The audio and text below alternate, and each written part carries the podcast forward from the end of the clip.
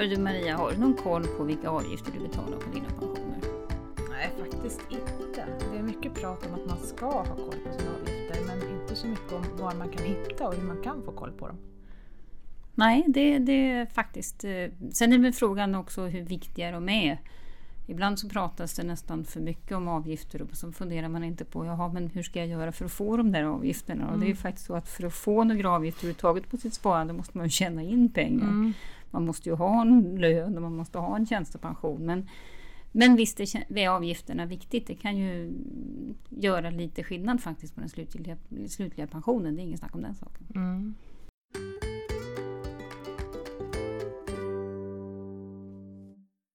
Välkommen till Min Pensionspodden.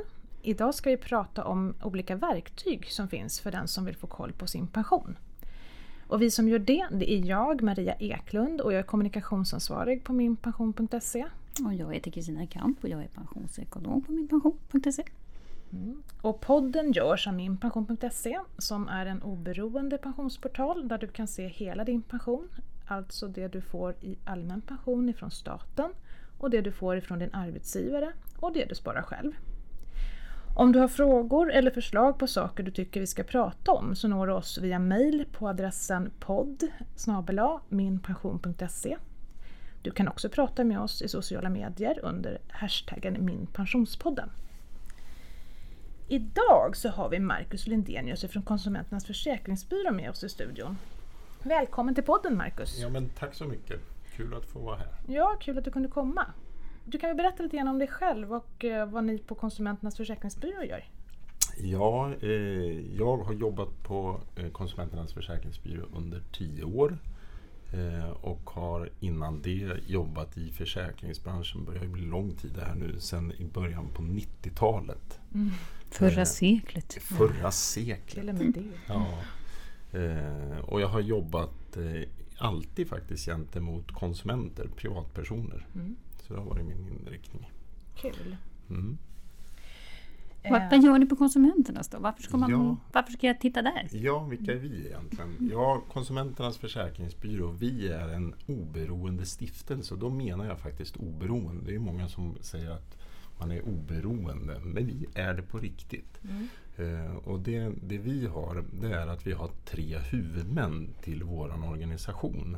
Och det är Svensk Försäkring som är en branschorganisation och så är det Konsumentverket och Finansinspektionen. Och vårt huvudsakliga uppgift är att till konsumenter, till privatpersoner ge vägledning gällande privata försäkringar. Och då pratar vi ju, nu vet jag att den här inriktningen här är ju pension, men vi har pension men vi har också personförsäkringar och sakförsäkringar. Så det är hela spektrat av ditt privata försäkringsbehov som, man, som vi har. Och då kan man alltså prata med er och, och använda er webb och, och olika tjänster där för att få, få vägledning och hjälp. Ja, det kan man. Ja. Vilken webbtjänst är det som används mest utav era? Ja, Har ni någon statistik? Ja, ja det, det vi märker och det är ju glädjande det är att vi faktiskt har under årens lopp en ökande trafik hos oss. Så fler och fler besöker vår webbplats konsumenternas.se. Eh, och nu har vi, om jag kommer ihåg rätt, passerat en miljon besökare. Ja, roligt. ja, Grattis! ja, men tack så mycket. Är det unika besökare då? Eller är det... Ja, det där är ju alltid svårt Ja. faktiskt att få fram en, en klockren statistik på. Så att jag, jag vill nog inte säga att det är unika alltid och sen Nej. var man drar gränsen. Men eh, vi har valt att nu då säga att det är antal besökare. Mm. Eh, och sen så eh, utifrån din fråga då, vad besöker de här mest? Mm. Eh, och det där går lite grann upp och ner beroende på vad som händer på försäkringsmarknaden. Men en, en, en del som de besöker ofta är någonting som vi kallar jämförelse med poäng. Och där är det vi på Konsumenternas Försäkringsbyrå som egentligen går igenom villkoren exempelvis inom bilförsäkring eller hemförsäkring och bedömer villkorens omfattning. Och det där är populärt bland konsumenter. Och en annan eh, vanligt besökt eh, sida är Pensionsguiden och den kommer vi säkert prata mer om här idag. Ja, Där jag. man, där man går in och, och kan noga och detaljrikt kunna jämföra eh, pensionsbolag och deras produkter. Är det där man kan ta reda på återbetalningsskyddet Ja, det är det. Ja, Det är det. det är den. Ja. Ja. Men, men vi började med att prata om avgifter, jag och Maria. Och då tänkte jag fråga, kan man få någon hjälp hos dig då? Om jag vill veta vad betalar jag egentligen för avgifter på mina, mitt pensionssparande och min pension? Ja, det kan man ju. Eh, och vi har en, en lång rad olika jämförelser där man kan gå in och jämföra bland annat avgifter i, i kollektivavtalade tjänstepensioner och i privat pension. Och I privat pension har man nu tagit bort avdragsrätten så där är det inte riktigt lika aktuellt men det finns väldigt mycket kapital i de produkterna. Så, så det är fortsatt eh, aktuellt att jämföra där. Eh, och utöver att man kan gå in och titta på varje bolags produkt så kan man göra egna beräkningar utifrån din person. Då, utifrån din ålder och din lön. Och då får man ganska tydligt svart på vitt att så här betydelsefullt är avgifterna. Och om jag då blir jätteförbaskad, kan jag ändå flytta kapitalet? Eller vad gör jag? Ja, eh, du kan ofta flytta men inte alltid. Äldre försäkringar så finns det inte flytträtt på men nyare tecknade försäkringar är möjliga att flytta. Och sen är det lite beroende på vad man, vad man pratar om för typ av pensionsförsäkring. Eh, Den här beräkningsfunktionen som vi har den finns ju för kollektivavtalade tjänstepensioner. Eh, och där kan man säga, där har du flytträtt numera. Och, och utifrån avgiftsperspektivet så är det faktiskt också glädjande nog att där har vi på, på några års tid nu faktiskt sett att avgifterna har pressats rejält. Men den här avgiften har faktiskt hängt med under några år och har funnits på vår webbplats. Och när vi lanserade den då mätte man avgifter faktiskt i hundratusental för en konsument som är 30 år och jobbar fram till 65. Medan nu när vi har sett den här avgiftspressen som har skett inom kollektivavtalade försäkringar så är det snarare tiotusental. Då. Och de här skillnaderna mellan bolagen framkommer också ganska väl i den här beräkningsfunktionen. Mm. Ja, man vill ju inte spekulera bort sin pension. Vad, vad är högt och lågt med, i avgifter? Hur ska man tänka här? Vad är en Ja. hög avgift? Vad är en låg? Ja, och då, då är det faktiskt så tilltrasslat att det beror vad man pratar om här. Om man, om man pratar om det som vi just nu är på kollektivavtalade tjänstepensioner. Då är generellt sett avgifterna låga kan man säga. Eh, och sen finns det ett, naturligtvis ett spann på det där. Och avgifter är faktiskt pluraliskt. Det finns olika typer av avgifter.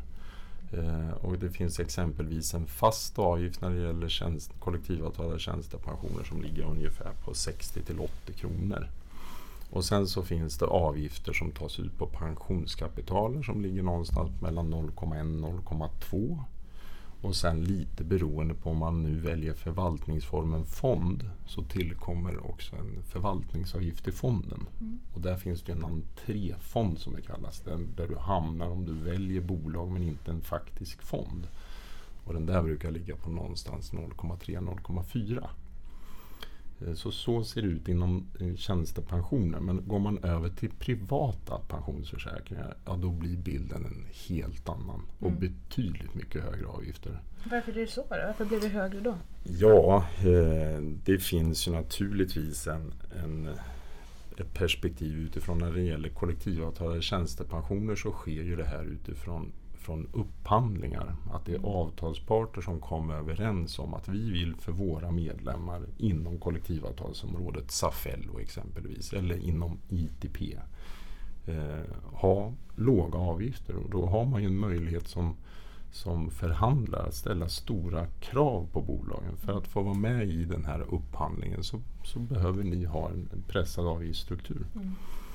Medan på privat så är det ju inte så. Nej. Där är du ju ensam som konsument så att säga gentemot bolaget. Och, då, och det, är, ja, det är därav anledningen. Så det är ganska bra att ha kollektivavtalad tjänstepension med andra ord. Då har man eh, av sig självt låga avgifter. Ja, ja det i, i grunden är det, ja precis. Det är bra att ha en tjänstepension om man börjar där. Mm. Det är bra utifrån, utifrån avgiftsperspektivet att ha en kollektivavtalad tjänstepension. Mm. Och har man inte, tillhör inte ett kollektiv, ja då måste man förhandla själv med sin arbetsgivare om att få det. Och sen när man då ska placera den individuella tjänstepensionen, var jätteobservant på vilka avgifter som man tar i den. Mm. Men det där låter ju enkelt. Jag väljer alltid den lägsta avgiften. Är jag hemma då? Ja, utifrån avgiftsperspektivet är vi Ja, men får jag alltid högst pension då? Ja, det är ju den andra frågan. Då. Vad, hur sjuttsiken... Det intressanta i slutändan är ju inte att du har betalat låga avgifter. Det intressanta är ju att du får en bra pension. Men det man kan säga om avgifter är ju trots allt ändå det att den vet åtminstone om vad den är. Till skillnad från det som, som är den andra sidan av myntet, avkastningen. Och då kan man ju ibland säga att ja, men vi har en väldigt bra placering här som vi har en bra avkastning på. Men den är lite dyrare. Och då ställs man in som alla vi då. Ska man tro på det där? Ska man tro på den där bra avkastningen framöver? Eller vad är det som är centralt för mig i det här? Då? Uh, och där finns det ingen sanning. Man, man, vet inte hur avkastningen kommer att vara. Man får ta fram spåkulan helt enkelt. Ja, då, ja. ja. Nej, jag ser ju ibland att räntefonder alltså, som placerar i ränteinstrument, de har ju väldigt låga avgifter. Ehm, skulle du tycka att det var det är där jag ska lägga mina pengar eller hur ska jag tänka där? Alltså jag, jag, tycker att så som räntemarknaden nu ser ut och vilka avkastningar man kan få på ränteplaceringar. Om det ligger inom ramen för en, en, ett försäkringssparande så tror jag det kan bli svårt att få någon avkastning att tala om överhuvudtaget. Om, mm. Därför att du ligger ju med avgifter som dras. Ehm, så där är jag nog ganska skeptisk. Så att om man börjar spara mot själv kunna välja antingen obligationsfonder, aktiefonder eller vad det nu må vara. Då tror jag man faktiskt behöver ta en lite högre risk för att det ska löna sig att ligga i fond. Annars ska man nog faktiskt välja en traditionell förvaltning. Mm. Ja, hur ska vi sammanfatta det här Maria? ja, hur sammanfattar vi det här? Att avgifterna spelar roll men mm. man kanske också ska tänka lite grann på avkastningen. Ja. ja. Och, sen och ha en, en liten inre känsla, kanske en kompass själv. Och kanske tjäna pengar också. Och tjäna pengar mm. är bra. Annars blir det som sagt inga ja. avgifter. Nej. Men du, om du skulle lyfta någon annan av era tjänster. Jag vet ju att ni har ju inte bara de här tjänsterna, även om de är välbesökta. Vad, vad, vad liksom skulle du vilja slå ett slag för nu då, chansen? Ja, ja, det finns ju mycket. Hur lång tid har vi på oss? Mm, ja, ja, men du håller oss nu till pensionerna.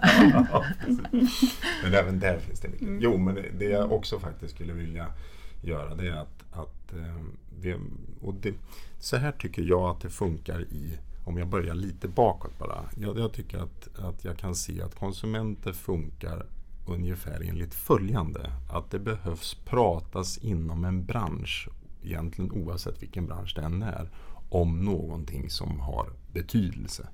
Och avgifter, det har man pratat om under ganska många år, att det har betydelse.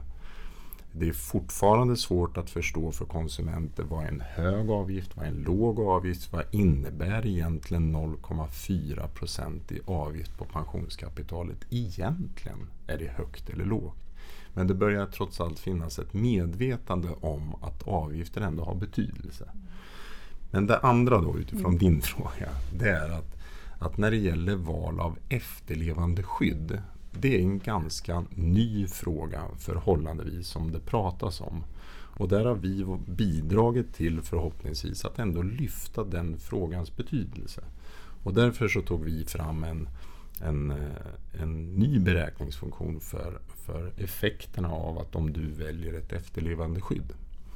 Och då är inte världen så enkel inte där heller då. Utan där finns det två efterlevande skydd. Ett som kallas återbetalningsskydd och det finns också något som kallas familjeskydd. Eh, och om man tar något utav dem eller båda och så kan man göra egna beräkningar på våran, våran eh, webbplats och i pensionsguiden för att få eh, se hur mycket det här slår på mitt eget pensionskapital. Är det krångligt att göra de här beräkningarna? Kan jag som inte är så himla duktig på matte och så sätta mig och försöka det är superenkelt är det skulle jag säga. Det enda ja, du behöver veta är din ålder och vad du tjänar. Ja, men det har man väl koll på. Ja. ja. och hur, hur, mycket kan man, alltså vad är effekten då om jag, om jag nu alltså, väljer att ta bort ett återbetalningsskydd eller inte? Hur mycket, vad betyder det för mig? Ja, Ja, eh, effekten skulle, om man ska säga någon, alltså det, det, man kan titta på i den här beräkningsfunktionen vi har det är från din ålder idag fram till dess att du är 65. Så det, det är det svar du får. Sen finns det även en utbetalningstid. Men det ska vi försöka fixa till längre fram. Eh, Men effekten för dig kan man väl säga att det, det har, du kommer sänka ditt pensionskapital om vi nu pratar återbetalningsskydd med någonstans mellan 5 till 10 procent lägre pensionskapital när du är 65. Eh, Lägger du därtill också att du tar ett familjeskydd, har båda och, ja, då kan du sänka ditt pensionskapital någonstans mellan 20 till 25 Ja, procent. det är mycket pengar. Då pratar vi tusen lappar mindre i månaden i Ja. pension. Ja, Ja, det gör vi ju definitivt. Här fick vi ju ett väldigt bra spartips. Verkligen. Det gäller att ha koll på det här. Mm. Mm. Men det är klart, det handlar ju naturligtvis om att prioritera också. Man kan ju inte bara ta pengarna. Om man nu skulle dö kan det vara synd man, får väl tänka lite här. Ja, så är det ju. Och det- framförallt just när det gäller den här frågan så får man vara lite mer aktiv skulle jag säga. Och det behöver inte vara att man ska göra några justeringar var och vartannat år. Men att man har olika livscykler och behov av efterlevande skydd under denna livscykel som är olika. Eh, Så det kan ju naturligtvis vara eh, lönsamt och bra att ha ett efterlevande skydd under den tiden du har störst behov för dina efterlevande. Men det där ändras ju naturligtvis. Du har det inte om du är ensamstående till att börja med och är ung och sparar. Då behöver man inte ha något efterlevande skydd. Men du har det när det är familj. Eh, Och sen när barnen flyttar hemifrån så kan det här behovet också då försvinna. Och så höjer du din egen pension. Kan jag se hos er om jag har något eller inte då? För jag tror att många faktiskt inte riktigt vet. Mm. Nej, hos oss kan man inte se huruvida din egen försäkring ser ut. Utan där måste man ha kontakt med sitt eget bolag eller valcentral som det heter då inom eller tjänstepensioner för att ta reda på vad har jag då? Mm. Vi har en fråga om det sen så att det, det, vi ska försöka svara på det också. Mm. Men sen kan man ju ringa till er och få vägledning. Får du mycket frågor om pension? Vad frågar man om då? Ja, eh, ja, om vi börjar med att hur många kontaktar oss då? Jo, ungefär en 12 000 per år konsumentkontakter har vi. Och vi är ju en liten organisation som hanterar de här 12 000 ärendena. Men då är det 12 000, då kan det Total. handla om Det är totalt. försäkring och pension. Ja, så Ja. det är person och sak och pension. Ja. Och av dessa 12 000 så är det ungefär 10 till 12 procent som har pensionsrelaterade frågor. Eh, och din fråga då, ja vad frågar de om då? Ja, avgifter bland annat. Eh, de frågar om flytt. Eh, kan jag flytta och varför kan jag inte flytta? Eh, de kan fråga om utbetalning av pensionen. Och det är inte ovanligt, och det vet ju ni på min pension, att det är många som har väldigt många olika typer av pensionsförsäkringar. Och då börjar de fundera på hur ska jag ta ut alla dessa? Och ska jag ta ut dem på lika lång tid? Mm ja, Och då hänvisar du naturligtvis dem till oss, eller det hur? gör jag naturligtvis. Vill man kolla hur pensionen ser ut och hur lång tid utbetalningstiden och sånt är, då ska man naturligtvis gå in på minpension.se och titta där, för där har ju vi alla uppgifter. faktiskt. Jag tror att eh, till, eh, när vi lägger ut det här poddavsnittet så kommer vi lägga en länk till er pensionsguide. Så att ni som lyssnar hittar pensionsguiden på Konsumenternas försäkringsbyrå. Den är väldigt bra att använda. Jag har också någonting som vi tyckte var intressant för några år sedan. Det var, det var när det gäller just det här med utbetalning av pension och man betalar ut den livsvarigt. Då, då eh, hade vi en frågeställning hos oss. Hur gör egentligen bolagen när man ska betala ut en livsvarig eh, pensionsutbetalning? Hur vet man egentligen hur mycket man ska betala ut? Och betalar bolagen ut lika mycket? Mm, det är intressant. Det var en frågeställning som vi hade för några år sedan. Och se, det gjorde de inte. Nej. Och det man då gör eh, det är att man antar någonting om livslängden. Och det visar sig att bolagen hade väldigt olika antaganden om, om hur länge man lever. Och beroende på att man har olika antag, antaganden om hur länge man lever så får man olika mycket pension. Det finns alltså ingen branschstandard på det här med hur länge man ska leva. Nej, man tror. Det gör det inte. Sen har vi nu sett ett, att efter det här blev transparent och att man såg att, att bolag har olika, olika livslängdsantaganden så har det tenderat mot att bolagen närmar sig varandra i livslängdsantaganden.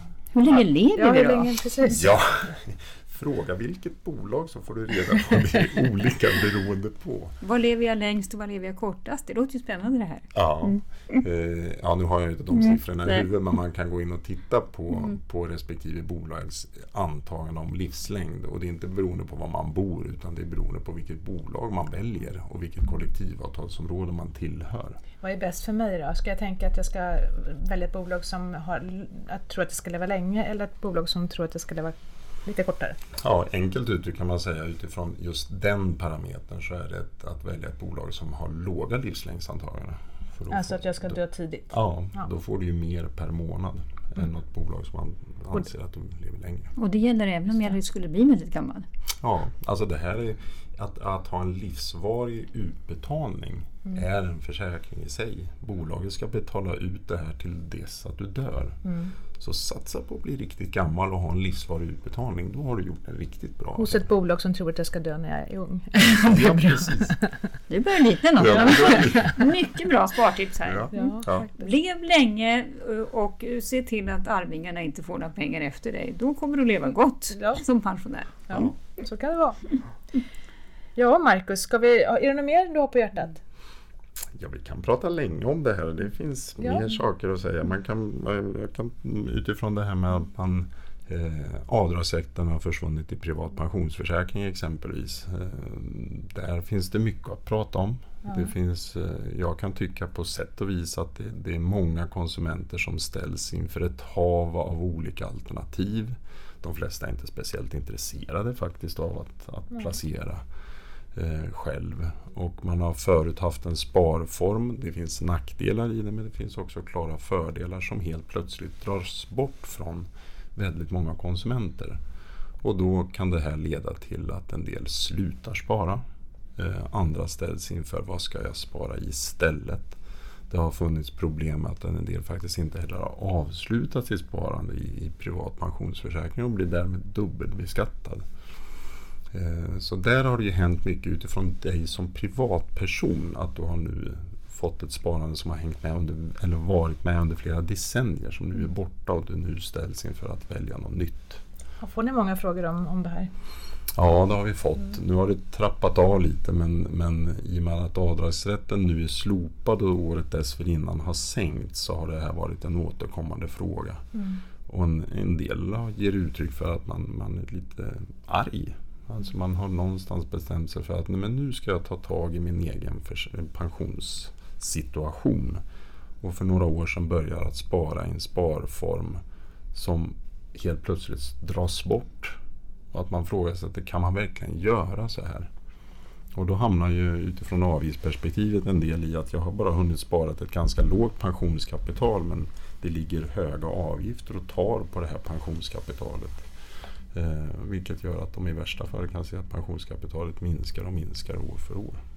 Nu får man ju faktiskt ta ut de här pengarna om man vill. Ja, Eh, Om det är under ett basbelopp som det så vackert heter, Ja. alltså ungefär 44 000 kronor. Då kan man faktiskt ta ut pengarna men det är klart man får ju betala inkomstskatt på dem.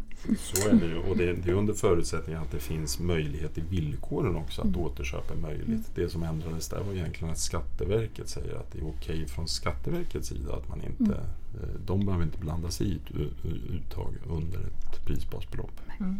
Men det måste finnas med Men vad, vad svarar du då? Vad ska man spara i? Om man nu behöver spara, för det kan alla kanske inte behöver spara heller. Nej, så kan det naturligtvis vara. Eh, Och då är ju problemet löst. Men för alla de som behöver spara, ja då finns det ju en uppsjö av olika alternativ. Eh, Och ett alternativ kan vara, som ofta nämns, är ju kapitalförsäkring. Och det har ni avgiftssnurror på också hoppas jag. Ja, vi har inte en avgiftssnurra men vi har en jämförelse. Där man kan gå in och titta på de faktiska nivåerna på det. Eh, Och där kan man se faktiskt att det, det är stora skillnader. Och där tycker jag också man ska vara observant. Och där pratade jag med en konsument nyligen om att han skulle just välja kapitalförsäkring för sitt sparande. Och han vill inte ta någon risk alls. Eh, Så det vill säga han blev rekommenderad att placera i en obligationsfond. Och då frågade han vilken, vilken eh, kapitalförsäkring hade du blivit rekommenderad? Och då gick vi in och tittade i den kapitalförsäkringen. Och den kapitalförsäkringens avgifter var höga Oj. förhållandevis. Så han gick back då? ord. Han, han skulle riskerar absolut att gå back om man väljer en sån lösning. Va? Men sen utöver K-försäkring, det finns i ISK, investeringssparkonto exempelvis. Där behöver man vara mer aktiv och, och, och, och vara mer intresserad tycker jag för att man ska välja det. Mm. Eh, amortera på huset. Mm. Eh, och, ja, Och vi har ju på min pensions hemsida så Mm. kan ni titta efter det här programmet också så har vi faktiskt en länk till olika sparformer. Men alltså Marcus, om det är så att man då vill lära sig lite mer om sin pension, då har ni er pensionsguide och den lägger vi ut som en länk till det här avsnittet. Och sen så kan man också kontakta er då om man har frågor. Ja. Och då får man oberoende svar ifrån er. Och ni är öppet hela dagarna eller? Vi har öppen, man kan mejla till oss när man vill och man kan ringa till oss mellan 9 och 12 alla förmiddagar, alla vardagar. Vad är det för telefonnummer då? då? Det är 0200 22 58 00. Okej, och om man vill mejla då? Då, är, ja, då går man in på våran konsumenternas.se och där på våran webbplats så finns det ett eh, mejlformulär. Mycket bra. Då vet vi. Ja. Hoppas att ni får fler kunder nu som hör av sig till er. Vi, det tar vi Prata tacksamt emot. Ja. Det tar vi tacksamt emot. Ja, tack för idag! Tack för idag. Tack.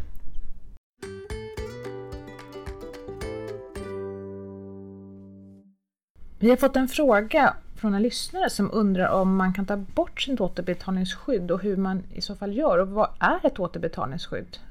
Vi har faktiskt kvar Markus här i studion så att Kristina och Markus, hur, hur ska vi tänka här? Ja, det här är ju en fråga som vi faktiskt på min pension också får allt oftare. Eh, och orsaken är väl att fler och fler faktiskt har upptäckt att man kan tjäna pengar på att ta bort skyddet och att det har börjat pratas mer och mer om det här. Eh, men ska vi börja Markus, med att reda ut vad är ett återbetalningsskydd? Det låter ju bra. Ja, ja, det hör man lite ändå på namnet. Det är ett skydd för att återbetala pengarna. De, de pensionspengar som du har samlat ihop ska återbetalas om du själv dör till, till dina efterlevande. Så det är ett återbetalningsskydd. Vilka pengar handlar det om då? Ja, det handlar om det pensionskapital som du har samlat ihop. Så det vill säga när, när du är ung och eh, har precis börjat jobba så är det de nivåerna. Alltså ett ganska lågt pensionskapital. Men ju längre du har jobbat och ju mer du har tjänat ju högre är ditt pensionskapital. Och det är det som återbetalas till dina efterlevande. Men det är tjänstepensionen vi pratar om för den allmänna pensionen, den orangea kuvertet, de pengarna de är svårt att hämta hem. Precis. Eh, men hur ska man tänka då? Jag menar, jag kommer nu på att mina nära och kära kanske klarar sig alldeles utmärkt utan de här pengarna medan själv ri- riskerar jag att få ganska låg pension. Eh, ja, då vill jag ta bort det här skyddet. Är det lätt att göra? Hur gör man? Ja, att ta bort det, det är ganska enkelt. Då, om du har en egen privat pension eller en individuell tjänstepension då skulle jag säga att då behöver du ta kontakt med ditt eget bolag.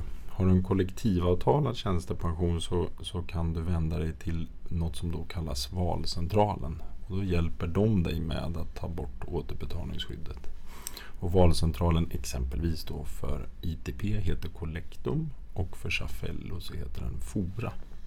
Ja, och vet man inte riktigt vilken valcentral man tillhör eller sådär så enklast kan man faktiskt börja med att fråga på jobbet hos den som, som betalar ut din lön. De brukar ha ganska bra koll på vad de skickar tjänstepensionsinbetalningar och annat. Så eh, det är första tipset, börja Ja. där. Det är bra. Och hittar man inte, vet inte dem så, så kan man ju faktiskt gå in på min pension och så kan man titta där under fliken som det står tjänstepension på så ser du var just dina pengar finns någonstans. Ehm, Ehm, och då kan man ju faktiskt börja med att kolla de där bolagen och eh, ibland så är det faktiskt bolagen som har koll på återbetalningsskyddet direkt och kan ändra på det. Eller också kommer de att hänvisa dig till rätt valcentral. Så att det blir en trestegsraket då, då, men då kommer man i alla fall till rätt valcentral och då blir bytet gjort. Ehm, men vad händer om man har bytt då? Finns det, är det bra? Är det liksom klart sen? Eller finns det nackdelar med att ta bort återbetalningsskyddet? Ja, det kan det göra. Om man, om, för man kan ju komma i den där situationen att vad sjutton gjorde jag sådär för? Jag vill lägga till återbetalningsskyddet igen. Och då finns det, när du, och det är lite fiffigt, att det finns något som kallas optionsrätt. Så gifter du dig eller skaffar barn så har du möjlighet att utan hälsoprövning lägga till återbetalningsskydd. Eh, men om det är så att du inte uppfyller de där kriterierna, alltså gift dig eller skaffat barn, ja då, då kan man behöva ha och fylla i en hälsoprövning för att få tillbaka det där återbetalningsskyddet på det samlade pensionskapitalet. Så att eh, det kan man ha med sig då. Att tar jag bort det så ska jag veta effekterna av det. Och också handlar det faktiskt om, och det ska man ju vara tydlig med, tar man bort återbetalningsskyddet då riskutsätter jag pengarna vid eget dödsfall och pengarna går tillbaks till försäkringskollektivet.